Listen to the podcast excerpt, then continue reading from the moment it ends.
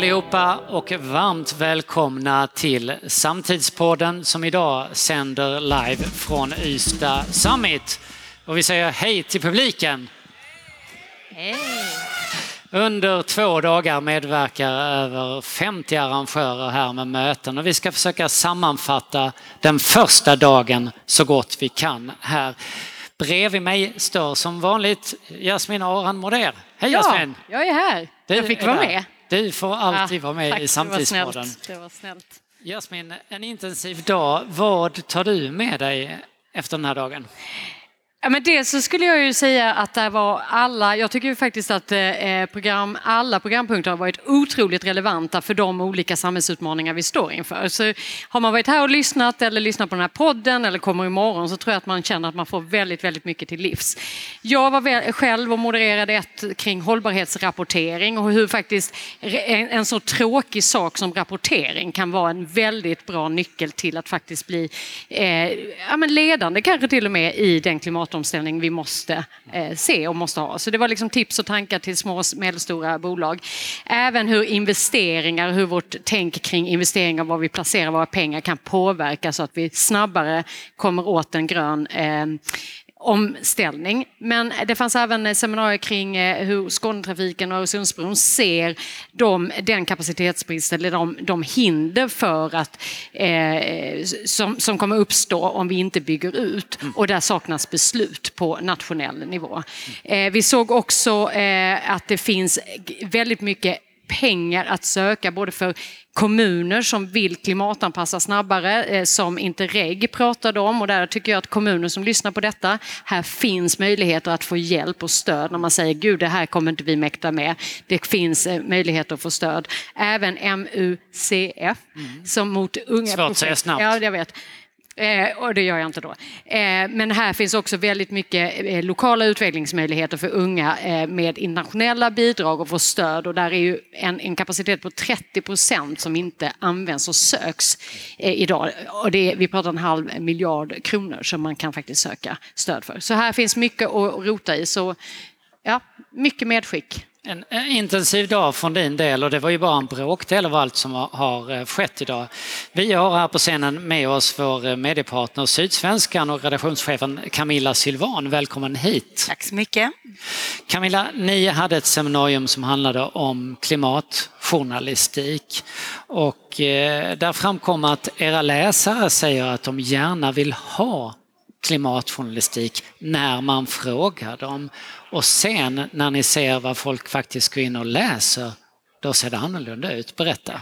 Det ser ju inte helt annorlunda ut. Det är inte så, jag kanske framställer lite, om jag ska rannsaka mig själv på min frustration på vårt eh, samtal där, att, att eh, lässiffrorna inte speglar intresset. Men jag tror att det alltid är så när du ska svara på en undersökning, om, du, om ni också funderar över när ni har svarat på undersökningar, man vill alltid framställa sig som en bättre person än vad man är.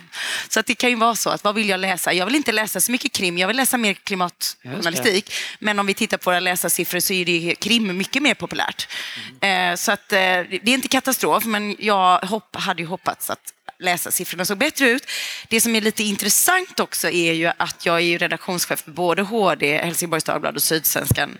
Eh, och mest fokus på Sydsvenskan. Men man kan se att läsarsiffrorna när det gäller klimatartiklar skiljer sig väldigt mycket åt mellan Helsingborgs Dagblad och Sydsvenskan. På vilket sätt? Eh, Sydsvenskans läsare är mer intresserade. Mm. Vad beror det på? Ja, det kanske vi egentligen borde borra lite mer i, men jag kan tänka mig att det har att göra med att vi har eh, läsare, eftersom Sydsvenskan har en annan karaktär. Vi är en regional tidning med ganska mycket nationell blick och kanske också lite, våra läsare är mer in, eh, intresserade av na, internationella nyheter. Och då kanske det också medför en större eh, intresse för frågor som eh, är större än det lokala. Samtidigt som vi ser när Helsingborgs Dagblads läsare får lokala klimatnyheter så blir de ju ändå ganska lästa. Komplext ämne det här och bevakningen är ju också mångfacetterad vad klimatjournalistik egentligen är. Det är tusen saker på en och samma gång.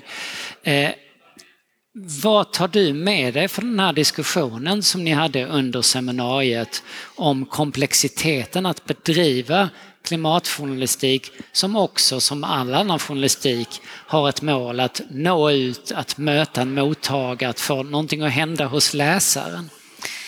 Jag tog med mig att eh, det finns ett enormt intresse. Jag har fått eh, mycket feedback från er som har varit med. Eh, och det är en boost för man kan bli lite missmodig ibland när eh, hatmejl väller in eh, efter man skriver om diverse ämnen, inte gentemot mig men skribenterna. Så jag tar med mig att det finns en enorm vilja att vi ska fortsätta ha, och göra detta. Och sen fick jag med mig av aktivisten som var med att språkval är viktigt, hur vi formulerar oss. Att man inte är slängig i, i, i formuleringarna i, när vi rapporterar om klimatkrisen. Eh, att vi vidhåller att det är en klimatkris. Mm. Hon sa, en, hon sa en annan sak som jag tyckte var otroligt intressant. Hon sa så här, faktan om att vi är i en existentiell kris i med klimatkrisen, det är inte någonting vi vill ta in. Vi vill inte att det ska vara sant och därför kan vi reagera på olika sätt. Att bedriva journalistik i den psykologiska komplexiteten, är det någonting ni kommer fundera över mer vad det innebär egentligen? Ja, för det är klart att vi måste ju erbjuda i alla eh, frågor, men framför allt den här frågan att det finns hopp.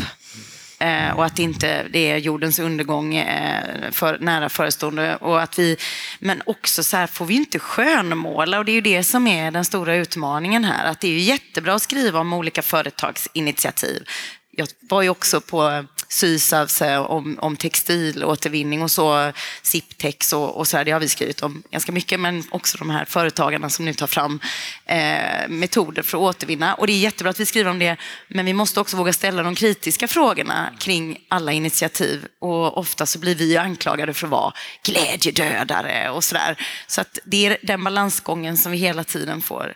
Hopp och kritisk blick, hopp och kritisk blick en balansgång och ni är som sagt mediepartner på Ystad Samhället vilket vi är väldigt glada för. Tack så jättemycket Camilla.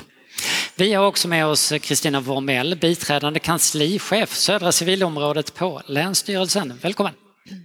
Tack så mycket! Det seminarium som du var med på det handlade om återuppbyggnaden av totalförsvaret. Och säkerhetsfrågorna är ju sedan en tid väldigt mycket i fokus. Eh, det är ju inte alla som är insatta i detta. Vad, vad syftar vi på när vi säger totalförsvar? Ja, vad syftar, det är ju egentligen att se vad det militära försvaret tillsammans med det civila försvaret, det bildar totalförsvaret. Och det man kan säga, om man ska vara lite, ska säga, så är vi alla en del av totalförsvaret. Eh, vi kom inte riktigt så långt i vårt, eh, i vårt seminarium, men vi var inne och nosade på det, försvarsvilja. Det är ju en del av totalförsvaret och som man har sett till exempel väldigt mycket i Ukraina, att man vill försvara statsskicket, demokratin och oss här, våra värden. Mm. Och följer man inte utvecklingen noga så är det kanske lätt att missa vad det är som sker just nu. Men vill du berätta lite grann om vad det är för återuppbyggnad som sker? Ja, eh, från 90-talet och framåt så gjorde man egentligen så att man monterade ner det vi tidigare hade eh, när vi hade en tydlig fienden i, i Sovjetpakten. Eh, och så gick vi in i det som man slarvigt brukar kalla den eviga fredens tid. Eh, men Ukraina har ju tyvärr och händelser innan dess också visat att där är vi inte riktigt. Eh, och det vi gör nu det är att återuppbygga en, del av den förmåga vi hade då, fast på ett annat sätt. Vi måste bygga totalförsvaret så att det passar in i i det samhälle vi lever i nu. Och vad innebär det för saker då? Konkret? Så rent konkret om man ska vara torr och tråkig ja. så... Det, det, är dit jag vill dra ja, det. Tack. Eh, så har vi då delat in Sverige i sex stycken civilområden och det är egentligen man har tagit de 21 länsstyrelserna och delat in i olika civilområden och det civilområde jag tillhör då det är södra civilområdet som består av Skåne, Kronoberg och Blekinge län. Och där planerar vi nu då eh, konkret, vad ska vi göra i händelse av till exempel att en kommun behöver utrymmas? Hur ska det gå till? Vem ska ta emot de här befolkningarna? Eh, hur ska eh, trafiken fungera? Hur ska sjukvården fortsätta att fungera? Eh, hur ger vi bäst förutsättningar till de som ska planera det här på lokal nivå? Det är stora frågor detta. Det är stora frågor. Vilka, vad är de största utmaningarna? Eh, Den största utmaningarna är nog faktiskt att, eh, att få alla att dra åt samma håll. Det är ett så otroligt stort system som ska med och det här behöver ju vara en naturlig del i allting. Eh, ett exempel är ju till att eh, förskolepersonal ska ju fortsätta att driva sin verksamhet för att mamma och pappa ska kunna lämna sina barn även i höjd beredskap. Eh, och jag tror att för många så finns inte det här tänket. Det är samma sak, jag hörde det intressanta seminariet här om, eh, om jordbruket. Ja, livsmedelsförsörjning, jätteviktigt. Eh, vad har vi där? Det, det genomsyrar hela samhället och det är en utmaning att få med sig näringsliv, statliga aktörer, kommuner, regioner på så många olika nivåer. Det är medvetenhet och det är kunskap. Vad är de första stegen in i, i en medveten och kunskapsfylld samhälle? Jag skulle säga eh, att börja öva mer. Och då behöver vi inte ha stora övningar alla Aurora, men att vi övar och på så vis sprider kunskap i alla organisationer. Och att det börjar uppifrån och sen så sprider sig neråt men att man vågar ta in perspektivet i alla i alla våra arbeten egentligen. Tror du att det tar långt? Fredens tid eh, fostrar en kultur och en känsla av säkerhet och tryck. att allt ordnar sig alltid, det kommer mm. liksom inte vara något problem. Tar det tid för oss att komma ur det tänkandet och Eh, Eh, komma in i, en krismedvetenhet? Det tror jag. Det tror jag definitivt det gör. Men vi har ju eh, sådana saker som har börjat komma nu som jag tror att gemene man märker. Alltså värnplikten har en helt annan eh, status idag än vad den hade bara för en fem år sedan. Eh, utvecklingen i Ukraina har ju tråkigt nog visat oss att det kan hända i Europa. Eh, och så har vi ju flera utredningar på gång om civilplikt och annat så att jag tror att inom ett par år, men det, givetvis är det en, en trög process. Mm. Tack så jättemycket eh, Kristina. Med oss här på parkscenen så har vi också Mårten Kärrum, chef vid Raoul Wallenberg-institutet. Välkommen hit! Tack ska du ha. Ni har under ert seminarium diskuterat mänskliga rättigheter och demokratiutvecklingen i Europa. Mårten, hur oroande är demokratiutvecklingen i Europa just nu? Jeg synes, den er meget urolig. Øh, det er bekymrende at se den øh, udvikling. Og jeg vil godt sige, understrege i forhold til totalforsvaret, når vi taler demokrati og menneskerettigheder, så er det jo virkelig en væsentlig del af totalforsvaret, som vi jo kan se i Ukraine i øjeblikket, hvor hvor kommer den der resiliens fra? Mm. Jamen det er jo fordi, vi har en pokkers masse at tabe. Vi har lige åbnet et kontor i Raoul Wallenberg Instituttet i Armenien, og der sagde øh, justitsministeren på et tidspunkt, vi har brug for menneskerettigheder og stærkere demokratiforståelse. Det er den stærkeste modstand mod angreb udefra. Så når vi taler totalforsvar, så er det også et meget, meget vigtigt element i det. Vi har jo set de sidste 15-20 år, globalt en nedgang i øh, respekten for demokratiske øh, principper og menneskerettigheder. Det er sådan de globale undersøgelser, der viser det. I Europa, der har vi jo set lande som Ungarn, Polen, andre steder, der går i en illiberal retning. Jeg vil ikke sige autoritær, men en illiberal. Vi ser, hvordan de går til angreb på domstolene. Domstolene mister uafhængighed ombudsinstitutioner, nationale institutioner mister uafhængighed. Vi ser civilsamfundet, der får mindre og mindre plads til at agere og tale frit ud, som er også vigtigt i et demokratisk samfund, for at der kan ske forandringer og ting kan blive justeret øh, undervejs. Øh, og på den måde ser vi, og det samme med medierne også, en koncentration, en nedlukning øh, af medier. Der er en, ikke en mediepluralisme, men det bliver meget ensrettet. Det er jo sådan nogle tendenser, vi har kunnet spore, og som vi skal være opmærksomme på i, øh, i alle lande. Og der var vi så heldige i vores panel. Vi havde en god kollega fra Polen, Ja. øh, som kom også og forklarede om, øh, hvad er det for nogle udviklinger, øh, vi ser der. Men det, det gjorde, som vi også diskuterede i panelet, er jo, at hvor vigtigt det er, at Ukraine vinder den krig. Fordi hvis, hvis Ukraine taber, så er der jo ingen tvivl om, at de her illiberale, autoritære tendenser, som Putin står for, og som, en lang, som er, ligger og koger derude, at det vil få mere vind i sejlene.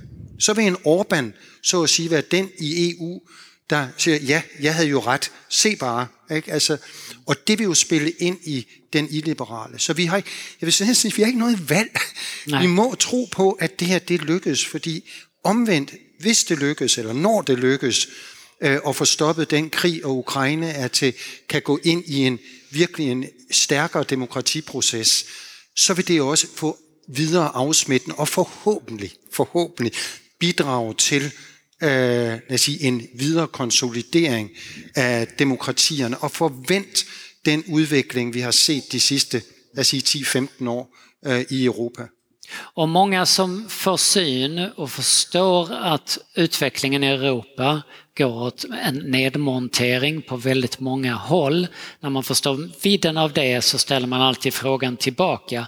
Vad kan vi göra för att motverka det? Vad är det vi kan göra för att förändra och stoppa den utvecklingen? Och det är en fråga som kanske inte har ett lätt svar. Men vad, vad skulle du svara på den frågan, Mårten? Det vi gør her, mm. det er jo fantastisk. Ikke? Altså det vi jo ser nu ud over Europa, hvor du, hvis du har på, så også ud over verden for den sags skyld, du har nogle autoritære, illiberale, populistiske regeringer nationalt, så ser vi en strømning nedefra, fra staterne, fra regionerne. Vi ser jo en af de største, hurtigst voksende bevægelser på menneskerettighedsområdet af Human Rights Cities. Altså byer, der, stater, der siger, nu vil vi noget andet. Marta, som var med i vores panel, arbejder nu med 14 øh, polske byer, hvor, hvor de snakker om, hvordan kan vi få styrket øh, menneskerettighederne i vores daglige arbejde. Og det er jo både fordi, de gerne vil have et bedre samfund, en bedre by, øh, men det er jo også som en protest mod et øh, illiberalt national øh, regering. Vi har en by som Budapest, øh, som også er en menneskerettighedskommune, øh, øh, stat, øh, og også spiller op imod Orbán-regimet. Og det er altså noget, vi ser øh, globalt. Så der er nogle enorme bevægelser i øjeblikket, hvor vi ser de autoritære tendenser fra regeringer, som vi kender, og så har du det der nedefra. Og det er klart, det vi skal gøre meget mere, det er, at vi skal have ystadmøder øh, over hele Sverige, over hele Europa. Få man det der engagerende demokrati, mm. hvor folk de diskuterer og begynder at tro på demokratiet igen. Også fordi de virkelig får noget at miste, hvis Just. demokratiet ikke er der. Så, så Och som du förstår, det är ingen slump att vi börjar i Ystad för vi kommer nämligen att gå uppåt Det är i, precis. Och det- genom hela Sverige. Så det blir det enkelt att vi börjar Og derfor er vi jo så enormt glade for også, at øh, Lund, hvor vi har vores kontor, var den første MR-kommune i øh, Sverige. Ja. Og nu kommer der flere og flere MR-stater, og SKR spiller rigtig godt med ind i det. Så der sker mange ting i Sverige. Meget positivt. Du har varit chef för Raoul Wallenberg-institutet sedan 2015, det stämmer. Eh, Det har hänt mycket på den tiden och det är under just den tiden, det är ju inte ditt fel, men som, som du har, har du dykt ner. Eh, v- Vad är, vad är det som har hänt under den tiden som du kan känna dig hoppfull för? Jamen utrolig mange ting. Altså blandt andet det, at MR-staterne er noget, der er vokset frem. Men også, at vi i 2015 fik øh, FN's øh, bæredygtighedsmål, 2030-målene. Og hvad er der med 2030-målene? De er rammet ind i menneskerettigheder. Så du har fået en, en, en mainstreaming af menneskerettigheder, samtidig med, at de blev gjort globale de, hvor de gamle Millennium Development Goals, de var øh, kun for udviklingslande. Der er vi den der split mellem nord og syd, og der er også oppe i nord, der kan det hele, og så er der dem i syd, som vi skal komme og hjælpe. Nu har vi en global dialog. Samtidig i 2015, udover at jeg kom her, så fik vi også Paris-aftalen. Ja. Klima. Hvad havde vi der? MR som ramme.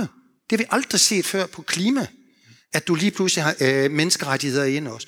Så det du har set i de her år, siden 15, som giver mig en masse håb, det er, at øh, du får en mainstreaming, at man begynder at tænke menneskerettigheder ind. Hvordan løser vi klimaudfordringerne? Det kan vi jo ikke bare gøre med teknologi og øh, lad os sige, smarte øh, løsninger. Vi skal jo også have mennesker med. Så hvordan får vi lavet den der just transition, som det hedder i vores sprog? Ikke? Altså, hvordan får vi mennesker med i de der processer? Fordi ellers så lykkedes vi jo aldrig. Mm. Så nej, så der er mange ting at, at så at sige være håbefuld overfor. Ja. Men jeg vil sige, at det vi diskuterede i vores panel med krigen i Ukraine, det bliver meget, meget vigtigt.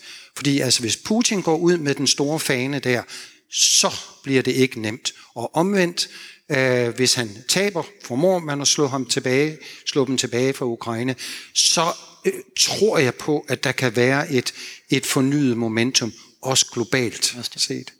Så Stort tack Mårten. Och på tal om utmaningar, vi nämnde ju klima här, klimat. Eh, att vi har en klimatutmaning, det är förhoppningsvis ingen som har missat detta. Lina Gustafsson, varmt välkommen hit, grundare av reklam och varumärkesbyrån The Bacon Hospital. Och tidigare idag så arrangerade ni seminariet Manipulation eller mänsklighetens räddning? Frågetecken. Berätta, vad pratar ni om där? Ja, men eh, vi pratade ju om eh, marknadsföring och reklam som en möjlig kraft för att driva på omställningen. Och också eh, ja, men hur, hur, viktigt det är att eh, de här frågorna hanteras på ett, eh, ett bra sätt. Eh, tidigare har man informerat eh, väldigt mycket. Det har varit, eh, man kan säga att de senaste decennierna så har klimatfrågorna lite ägts, eller bollen har varit på en spelplan där Ehm, klimat och, miljörörelsen har, har satt agendan. Det har handlat om att informera, inget ont om klimat och miljörörelsen, men, men eh, frågorna har varit väldigt distanserade, legat väldigt långt bort, varit svåra att relatera till och därför inte engagerat kanske på, på ett sådant sätt så att man har eh Eh, påbörjat en omställning tillräckligt snabbt. Media har också eh, bidragit där lite till eh, doom and gloom-scenario. Eller frågorna har kanske inte kommit in på agendan på ett sätt som, som de förtjänar men samtidigt så när de väl har gjort det så har det varit såklart och med all rätt förknippat med eh, elände och, och tunga tråkiga scenarios. Liksom. Så vad vi behöver visar ju forskningen då, det är ju att, att få en emotionell koppling, ett, ett känslomässigt engagemang i en fråga för att engagera oss. Och då, då blir det väldigt avgörande att, att vi kan jobba med kommunikation på ett sätt så att den berör. Eh, sen kan man ta till sig information och kommunikation givetvis, eller eh, kunskap. Men vi måste bli fångade emotionellt. Och, och, och vad, vad, är det man kan titta på här som referenspunkter när, när man pratar om känslomässigt berörd i eh, den typen av kommunikation? Um, alltså men det vi vet är ju att, att när, man, när man blir um, berörd emotionellt på ett sätt så att en, en, en fråga engagerar eh, så har vi sen ett behov av att efterrationalisera och, och eh, då behöver vi fakta. Men besluten är egentligen fattade redan innan eh, och de är fattade när vi har eh, har känt och tagit till oss på, på, en, på ett djupare plan, när det limbiska systemet har, har aktiverats. Och det, det, är där egentligen som, det, det, är därför reklam och marknadsföring fungerar. För att om, om den är gjord på ett sätt som, som är, är riktigt, om, om det är god kommunikation, så har vi just gjort det. Att vi, vi har förändrat ett, ett beteende, vi, vi, har påverkat en attityd. Liksom, så människor har flyttat handen i hyllan eller eh, kanske till och med fattat ett politiskt eh, beslut och gå och rösta på ett visst parti för, för att vi har eh, påverkats. Ja, förändrats. Ja. Har jag rätt för mig Lina att ni också pratade om greenhushing? på Helt rätt. ert seminarium. Ja. Och det är kanske flera här som inte har hört talas om detta eller som lyssnar på podden eller ser videon för vi finns i alla kanaler samtidigt. Ja, men exakt. Så, vad är greenhushing? Ja, men greenhashing är ju, eh, svenska ordet är att grönmörka, eh, att, att låta bli att prata om hållbarhetsfrågor och eh, miljö och omställning som, som företag. Då. Och det är ju mycket en reaktion mot greenwash Alltså att man vilseleder, eller det kan vara medvetet eller det kan vara omedvetet, men att man kommunicerar på ett sätt som gör att mottagaren inte får med sig en sann bild av ens verksamhet. Eh, och green eh, green hush är ju ett växande problem därför att fler och fler företag börjar tystna för att man inte ser fördelarna. Det är för komplext, det är för svårt att kommunicera, man är rädd för att få kritik.